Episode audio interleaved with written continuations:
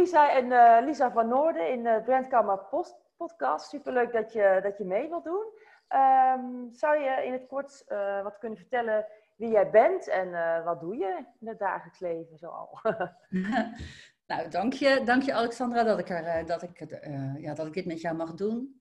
Um, ja, wie ben ik? Um, ik ben ja, ik ben ondernemer, beeldend kunstenaar en uh, ja, creatief. Um, ik heb een, um, een beetje een uh, full circle gemaakt vanaf de kunstacademie uh, naar een corporate setting, naar onderwijs, naar trainerschap. Ik ben begonnen als één trainer met één training. En run nu Versdenkers, een bureau waar meerdere trainers aan verbonden zijn. En wij trainen op het gebied van creatieve communicatie. En wat is creatieve communicatie? ja, nou als je, als je kijkt naar een, uh, een merk, dan uh, heeft een merk heeft heel veel kanten en moet uh, ten eerste ontwikkeld worden. Daar heb je tekst en beeld voor nodig. daar heb je ook een idee voor nodig, een, een, een, concept, een strategie. Dus dat stuk, dat, dat, dat pakken wij in trainingen en de laatste tijd ook steeds meer in advies. En daarnaast heb je, het merk moet vervolgens uh, gecommuniceerd worden. Er moet uh, contact worden gemaakt met een doelgroep. En dan ga je dus uh, dingen vertellen online, in beeld, in, in video, in tekst, um, in beleving. Dus het is echt een, een heel omvangrijk proces. en en um, wat voor soort bedrijven? Zijn dat grote bedrijven die je helpt? Of kleinere? Of overheden? Wat voor... nou, eigenlijk alle drie wat je nu noemt. Oh. Um, we hebben ehm, grote bedrijven, kleine bedrijven, ZZP'ers en overheden. Dus het, is, uh, het kan heel verschillend zijn.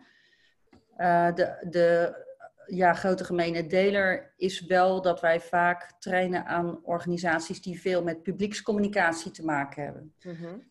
Maar goed, dat is natuurlijk ook weer heel breed. Dus het is ook, ons klantenbestand is erg breed. Dat gaat van uh, culturele instellingen tot banken, tot inderdaad ministeries, tot mediabedrijven. Het kan van alles zijn. Ja. En, en die hebben niet die kennis in huis om uh, die creatieve communicatie echt gestalte te geven. Dan moeten ze echt in getraind worden. Nou, ze hebben het soms best wel in huis. Mm -hmm. um, maar het zijn natuurlijk ook individuele uh, personen in zo'n organisatie die behoefte hebben aan training. Um, dus het kan best zijn dat de collega het wel kan, maar die persoon mm -hmm. niet. En soms dan merk je dat het inderdaad, uh, dat er organisatiebreed echt wel een slag mag worden gemaakt in uh, hoe, hoe ze zichzelf uh, presenteren en ook vooral de strategie erachter. Ja. -hmm. Dan kunnen ze, ja, kun je ze echt bij adviseren. Um, je gaf net ook aan uh, dat je ook uh, naast ondernemen ook uh, beeldend kunstenaar bent. Je hebt ook, ja, dat, dat kunnen luisteraars niet zien, maar je hebt ook een prachtig kunstwerk achter je hangen. echt heel, heel mooi. Ehm, waar haal jij je inspiratie vandaan? Als kunstenaar? ja, allereerst als kunstenaar en misschien ook wel daarna als ondernemer. Ja. Dat hetzelfde, maar... Um, als kunstenaar um, haal ik mijn inspiratie ja, toch wel veel, merk ik, uit de tijd dat ik zelf jong was. Ja, ik ben nu 52, maar dan heb ik het over, een, uh, over die, de, de 80s en de 90s, maar ook wel een stukje 70s. Vind ik heel erg leuk. Ik hou van, ik ben in essentie een tekenaar. Ik heb ook een heleboel andere dingen gedaan. Uh, ik heb ook lichtkunstwerken gemaakt en objecten. Maar de basis is altijd het maken van een tekening. En dat is dus eigenlijk in zijn eenvoud het potlood op papier. Daar is, dat is mijn vertrekpunt. Mm-hmm. En daarin kun je zoveel experimenteren. Om een voorbeeld te geven, toen ik een kind kreeg, een, do een dochter, kwamen er viltstiften in huis. Oh ja. En toen ben ik dus gaan tekenen met totaal andere materialen. Een houtskool van potlood, dat gum je uit. Een viltstift is een lijn, die staat voor eeuwig. En dat, dat vergt een andere uh, manier van werken. Um, waarin de toevalligheid dus veel minder aan de orde is, omdat het ja, definitiever is. Nou, en zo, zo zijn er eigenlijk constant dingen binnen dat tekenen. Hè. Zoals de laatste jaren ben ik nu weer heel veel aan het tekenen op de iPad Pro. Oh, een heel, heel, andere dimensie. Precies. Maar ook daarin kan je een kwastje kiezen wat eigenlijk een, een inktlijn is. En mijn dochter die leert, die leert nu tekenen vanaf de iPad Pro. dus die, die, die heeft het papier helemaal opzij geschoven, is daar verder niet meer in geïnteresseerd en tekent alleen maar op de iPad Pro. Dus dat is ook interessant. Dus eigenlijk, uh, mijn kunstenaarschap ontwikkelt zich ook, ook mee met, met kennis van techniek, uh, ook met, met vakkennis. Um, zo heb ik dus uh, nog niet zo in de coronatijd, dus een, een, weekje geleden, heb ik al mijn docenten in een tekening geportretteerd. En die staan nu op de website. Oh, wat leuk. Ga ik even, even kijken. Ja. Dat ook de URL even erbij zetten. Oh, dat, dat is wel heel origineel. Goed. En als ondernemer, hoe, waar haal je dan inspiratie vandaan? Um, nou ja, voornamelijk uit mijn klanten, uit onze klanten. Um, ja, ik merk waarmee ze worstelen, waarmee ze zitten, wat ze nodig hebben. En van daaruit krijg je natuurlijk heel veel input over wat je zou kunnen aanbieden vervolgens. Um, en dan kijk ik ook heel erg van, past het bij mij? past het bij ons merk? Mm Je kunt natuurlijk van alles en nog wat aanbieden. Maar ik, ik hou wel heel sterk in de gaten van ja, wat past bij versdenkers. En, en dat, daar zit een bepaald, daar zit wel een rafelrand aan, maar gevoelsmatig toch wel een duidelijke grens. Die hou ik in de gaten. Dat gaat natuurlijk. En, ehm, en verder haal ik ja, inspiratie natuurlijk ook uit uh, vakmedia, bladen, uh, natuurlijk oneindig uit wat er gebeurt online. Mhm. Eh, maar ook mijn eigen ambities die ik vroeger had als jonge creatief en de dingen waar ik tegenaan gelopen ben. En dat je merkt dat het eigenlijk niet echt heel veel veranderd is. jonge creatieven gaan naar een kunstacademie en die willen daarna een carrière maken als creatief. En wat komen ze tegen? Ja. Daar haal ik ook nog steeds uh, veel inspiratie uit. En, wat en waren... de docenten. En, en de docenten ook, ja. En, en wat waren dan een van die dingen, je zegt van nou, daar liep ik zelf ook als jonge creatief tegenaan, wat ik nu nog steeds terugzie? Um, nou, bijvoorbeeld het feit dat um, nou, een jonge creatief die van een academie afkomt, die wil graag, die wil meestal graag uh, art director worden of creative director. Ehm, en uh, die moeten vaak een lange weg bewandelen om daar te komen en dat op meerdere werkplekken uh, doen. Omdat sommige organisaties zijn gewoon te klein voor twee art directors, bijvoorbeeld. Ja. Mhm. Dus die moeten dan veel jobhoppen. En dat, en dat, is, een, uh, dat is onder andere de motivatie geweest om, voor ons om bijvoorbeeld een leerlijn te gaan ontwikkelen voor die jonge creatieven. Ja, dat ze meteen uh, ja, die rode draad zien en het, het, punt op de, op de horizon. Want je kunt ook, denk als creatief, ook beginnersfouten maken. Je ziet ook vaak al als je niet meteen bij een bureau gaat werken, dat je dan daar ook bijna niet uh, meer voor kunt werken, zeg maar. Dat zie ik ook wel gebeuren. Dat als je een bepaalde stap neemt, dat het lastig is om dat dan nog te veranderen. Ja. Ja, dat is ook wel zo. Het is, en wat dat betreft is eigenlijk die hele creatieve markt uh, heel, um, heel oncreatief. Ja, heel stug eigenlijk. Ja, ja. ja. Nou, dat is wel een, uh, een eye-opener. Uh. En um, hoe uh, ben je tot de naam Versdenkers gekomen? Dat is een naam die tot de verbeelding spreekt. Ja, ja, ik vertelde net al dat ik um, begonnen ben um, als één trainer met één training. Dat was een training conceptontwikkeling. Toen heette ik conceptontwikkeling.pro. Oh. Toen was net de, de extensie .pro op de markt gekomen. Dus toen dacht ik van nou, dat is mooi. Nu gaat het gebeuren. en, dat, en dat is ook wel gelukt hoor. Want uh, wij hebben het, uh, ja, ik heb toen een aantal jaar best wel heel uh, goed gedraaid. Met alleen die ene training.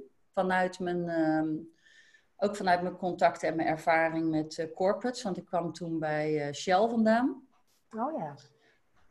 Um, maar ik ben um, na een tijdje merkte ik dat, ehm, dat ik gewoon meer, mezelf meer wilde gaan verbreden, mijn bedrijf. En dat ik dus ehm, een naam moest vinden waar meer onder te vangen was dan alleen die ene training. En toen, dacht, en toen hebben we gewoon, toen heb ik een paar mensen bij elkaar geroepen, waarvan ik weet dat ze ehm, goed, ja, echt diep en goed over dat soort dingen kunnen nadenken vanuit een professionele instelling. Een daarvan was Huub Koch. Die heeft later ook een heel mooi interview uh, geschreven met mij. Het staat, is in zijn uh, boek terechtgekomen. Um, en hoe heet dat boek? Uh, Be Good and Show It. Be Good and Show It, ja. Um, even denken hoor. Wat, waar was, wat was mijn draad van het verhaal? Oh ja, goed.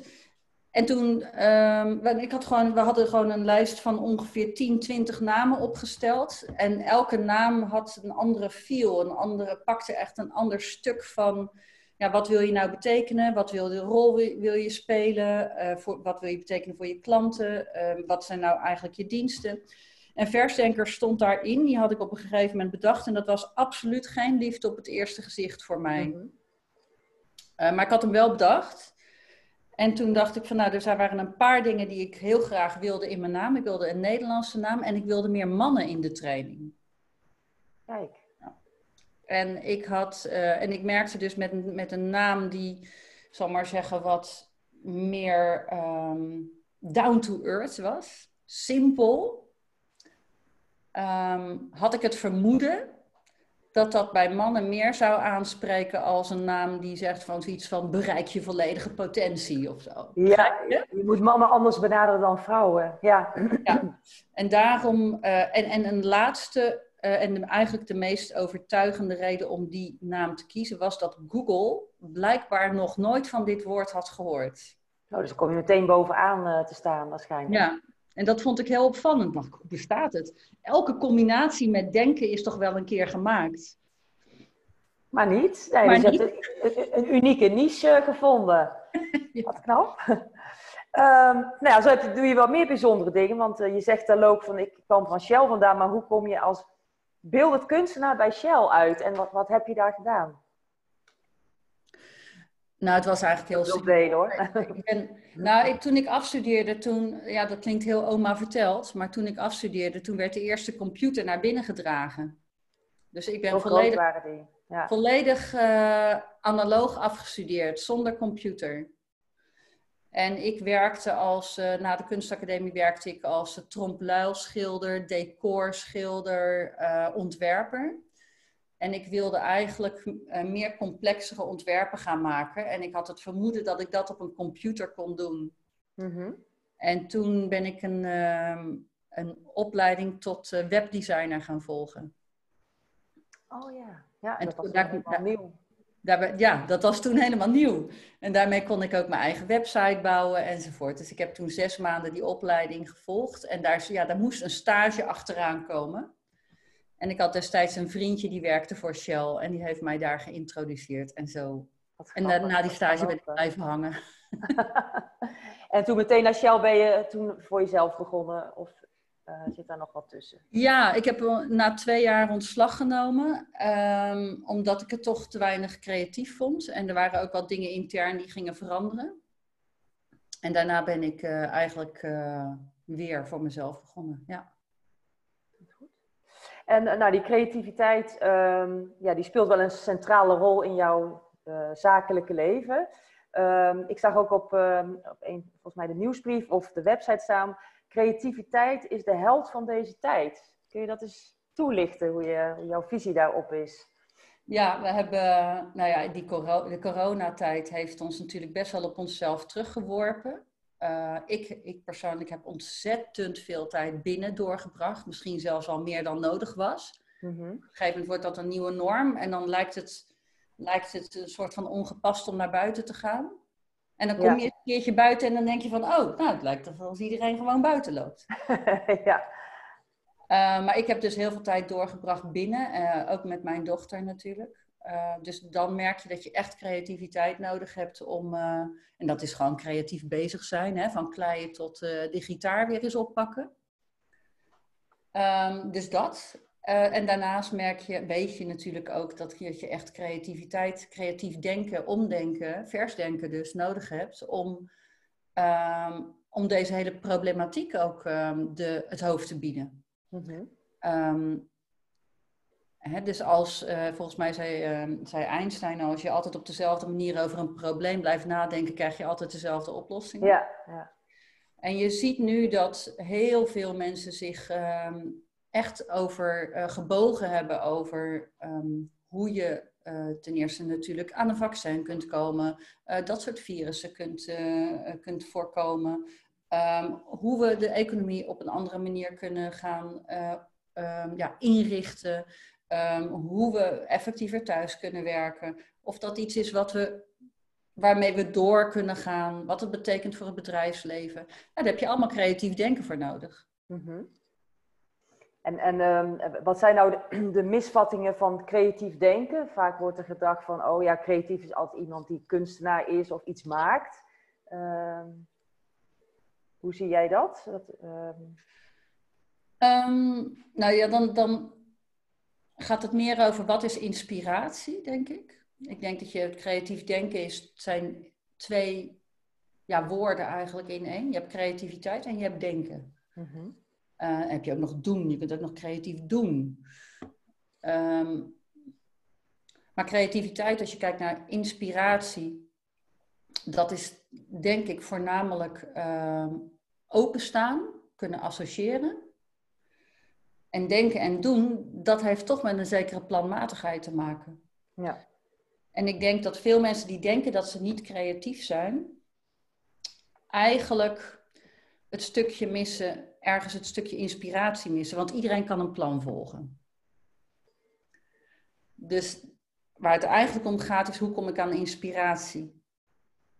En vervolgens, ja. want dat doet een kunstenaar namelijk ook. Die, die krijgt inspiratie en vervolgens gaat hij stappen maken. Mm en, um, en die stappen die zijn eigenlijk te, ja, hoe moet ik het zeggen, te ontwerpen. Ja, en dat is ook best wel, kan ook heel planmatig. Een, een, een schilder, zijn schilderij moet je ook nadenken over welke laag je opbouwt. En dat is dan best wel heel verkaderd. Precies. Dus wat de misvatting over creativiteit is dat het een talent is, wat aangeboren moet zijn, wat je hebt of niet hebt. Terwijl uh, heel veel ervan uh, te ontwikkelen is. Misschien niet altijd solo, maar je kunt soms met iemand anders weer tot hele inspirerende ehm, denkwijze, denken en mhm. doen komen. Dus ook samenwerkingen, sparren met anderen. Ja, dat is heel effectief. Ja, andere, krijg je natuurlijk ook uh, andere invalshoeken. Ja, dat weet jij zelf natuurlijk ook heel goed. Ja, ja zeker. Ja. Dat doe, je, um, dat doe jij, toch, dat doe jij toch ook uh, dagelijks met jouw uh, klanten? Ja, zeker. En uh, vooral het meedenken en vanuit andere hoeken dingen bekijken. En ja, anderen tot inzichten ook brengen, die ze vaak zelf dan niet meer zien. Ja, ja. Maar andere invalshoeken bedenken, dat vind ik ook een hele interessante. Want toevallig antwoordde ik vanmorgen op LinkedIn op een vraag van Roy Ishak van wat is creatief schrijven? En dan dacht ik ook, ja, het gaat ook over inderdaad via een andere route ineens iets aanvliegen waardoor iets in een compleet ander licht gezien wordt. Ja.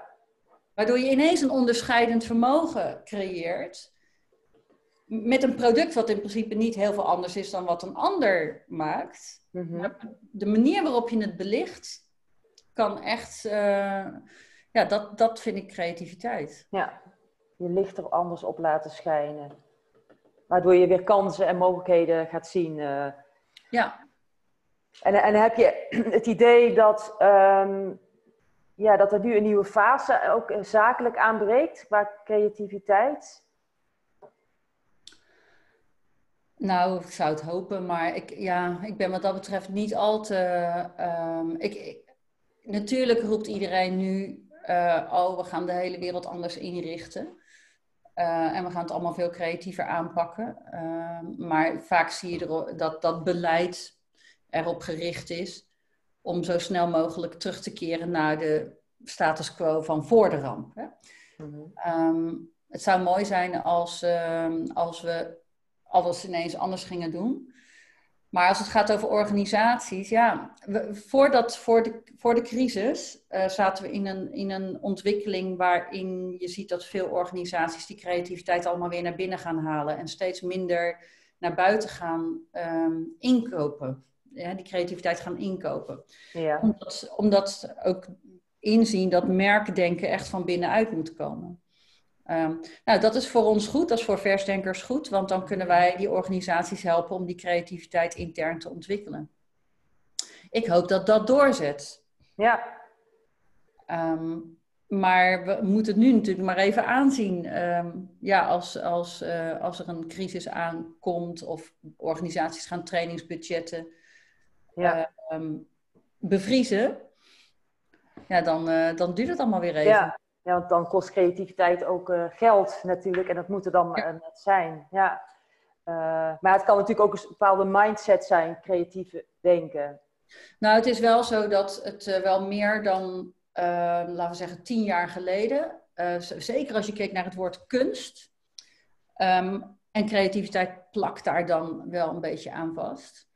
Um, dat er wel dat, hè, toen was het zo van, oké, ja, nou ja, we zijn nu even aan het overleven als merk. Uh, als, we straks, als het straks allemaal weer goed gaat, dan hebben we wel tijd voor creativiteit. Mm -hmm. Nou, het is natuurlijk precies andersom. Ja, precies. Je nodig. je merkt wel dat er nu steeds meer inzicht is, is van ja, maar als we, juist als we willen overleven, dan moeten we nu die creativiteit gaan, gaan ja, aanwenden. Ja, ja, en je ziet ook de, de bedrijven die dat doen. Eh, Oké, okay, dagen later, als je er helemaal totaal, als je branche neervalt, dat die dan toch uh, nog klanten houden en toch doorgaan en uh, toch innoveren. Zeker. Ja. Zeker, ja. En hoe zie je dat uh, tot slot ehm, het hele online? Hè? Wat, zijn nou wat zijn nou de voor- en nadelen ook voor online training? Um, hoe zie jij dat? De voor- en nadelen van online training. Nou, we hebben er niet zo heel veel gedraaid, moet ik eerlijk zeggen. Onze klanten zijn allemaal, uh, die hebben alles uh, een beetje opgeschoven. Ze krijgen het waarschijnlijk heel druk in, uh, in, in het najaar. Um, ja, de voordelen. Nou, dat je meer mensen in de klas kunt hebben. Ja. Dat is een voordeel. Um, dat, het, uh, dat mensen het in hun eigen omgeving kunnen doen. Ze hoeven nergens naartoe. Ook beter voor het milieu. Ja, dat zeker. Um, ja, dus dat. En wat nog meer, even nadenken hoor. Nou ja, dat mensen het ook in hun eigen tijd kunnen processen. Hè? Dus dat je, ja, je geeft een paar uurtjes training. Mensen kunnen vervolgens uh, op de bank gaan zitten of uh, de afwas gaan doen. En, en de kennis eigenlijk verwerken. En op een later stadium weer verder gaan. Dat zijn allemaal voordelen natuurlijk los van hele praktische dingen als uh, dan kun je ook nog voor de kinderen zorgen. Um, nadelen vind ik, um, nou ja, natuurlijk, je kunt, kijk, als merk zijnde geef je je merkbelevenis ook door je trainers mee. Dus als ik een trainer ja. heb die, uh, die uh, jumping with energy, dan, dan geeft hij ook een versdenkers merkbeleving mee. Dat lukt gewoon niet van achter een computer. Um, en Mm, ja, het heeft een bepaalde vluchtigheid toch, online trainen. Dus het, is, het kan een. Het heeft een bepaalde vluchtigheid. Je kunt toch makkelijk even uh, je, je videocameraatje uitzetten en even ja. snel een sigaretje gaan roken. Ja, ja. Uh, of even die mail beantwoorden. Ja. ja. Ja, dat is minder betrokkenheid misschien. Uh, en, en, en, heeft dat ook effect op, op de creat het creatieve denken? Zie je daar een verschil? Uh... Mm. Nou, dat zou ik eens aan eh, Vincent eh, moeten vragen. Die heeft bijvoorbeeld laatst een training copywriting gegeven. Of, uh, of de inzendingen die daar nu naar hem toe zijn gekomen minder creatief zijn ja. dan wanneer hij voor de klas had gestaan. Is dat dan een onderzoeksvraag of een ontwerpvraag? Ja. nou ja, ja, je kunt online best veel. Uh, wat mij nu zo te binnen schiet, is het is wel heel statisch. Want je zit, tenminste, ik zit voor mijn pc stil. En normaal met, met een brainstorm, dan loop je af en toe. Je gaat ja. zitten, staan, je gaat even, dat, dat stukje mis je wel. Terwijl, ja, je kunt op zich wel goed brainstormen en sparren. Maar het is uh, wat statischer ook. Ja, zeker. Ja. ja. Dus zeker als je bewegelijk persoon, of energiek persoon bent, dan ja. Ja, maar wij hebben wel, uh, wij hebben natuurlijk al onze programma's omgezet in een online variant. En ik moet wel zeggen dat wij daar, ik in ieder geval, daar ontzettend veel van opgestoken heb. Ehm, die, en ook inzichten die wij uh, zeker offline kunnen gebruiken. Mm -hmm. En misschien in een mix kunnen toepassen. Ja, ik geloof ook absoluut uh, in de mix. Ja, je wordt zeg maar als trainer zelf ook gedwongen om weer opnieuw naar je content en naar je lesprogramma te kijken. Ja. Of het klopt of niet. Dus dat, dat heb ik zelf ook zo ervaren. Het is een, een enorm karwei ook. Ja. Dus ja, je moet alles veel meer toelichten en uitleggen. En het mag ook weer niet te lang zijn. Het moet pakkend zijn, goede kopie. Dus ja, dat ja. is ook echt een vak, een, een, vak op zich. Um, ja, we, we, zijn alweer aan het einde van het gesprek. Misschien zijn er nog kort dingen die je aan de ondernemers, de, onder de luisteraars mee zou willen geven. Of misschien twee korte tips op hoe je goed kunt brainstormen online. Of, of misschien iets anders. Hoe je online goed kunt brainstormen? Bijvoorbeeld mag ook iets anders zijn hoor. Dat je zegt van nou, dat zou ik graag nog. Wat dan ook? Ja, whatever. Nee. Je zegt alleen maar. Geniet, geniet van de zon. Geniet vooral van, de, de, van deze tijd dat je, nog, uh, dat je inderdaad nog een beetje buiten eigenlijk het reguliere leven staat.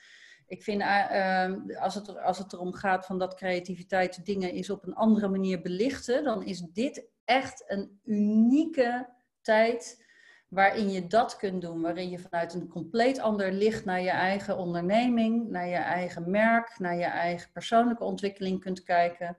Um, ja, dus dat, dat zou ik eigenlijk willen meegeven van laat, dat, laat die kans niet uh, ongebruikt voorbij gaan. En dat geldt met name natuurlijk voor de mensen die um, eigenlijk gewoon doorwerken. He, dus die zitten nog steeds in die red race, alleen nu thuis. Hè? Ja, precies. Ja. Er is een enorm verschil nu tussen de mensen die eigenlijk noodgedwongen stil zijn komen te staan en de mensen die noodgedwongen moeten doorwerken. Ja, dat zit, zit je er heel anders in. Uh... Ja. Ja, nou, ik vind dat een, een hele mooie. Ik sluit me daar helemaal bij aan, inderdaad. Uh, dat is ook wat ik tegen mijn cursisten zeg: van ja, ik neem, pak deze tijd als een kans om te innoveren en er nog beter uit te komen. Ja. Uh, en, want anders doe je dat ook niet snel. Want dan komt die red race straks weer aan en dan uh, heb je daar gewoon uh, niet de tijd en de energie voor. Ja, het gaat allemaal om, om, focus volgens mij ook in deze tijd. Waar leg je ja. je focus op? Zowel zakelijk ja. als privé. Zeker. Ja. Dus, nou, Lisa, hartelijk dank voor al jouw waardevolle adviezen en tips. En dank voor het, dit gesprek. Geen dank, graag gedaan. Hartstikke leuk.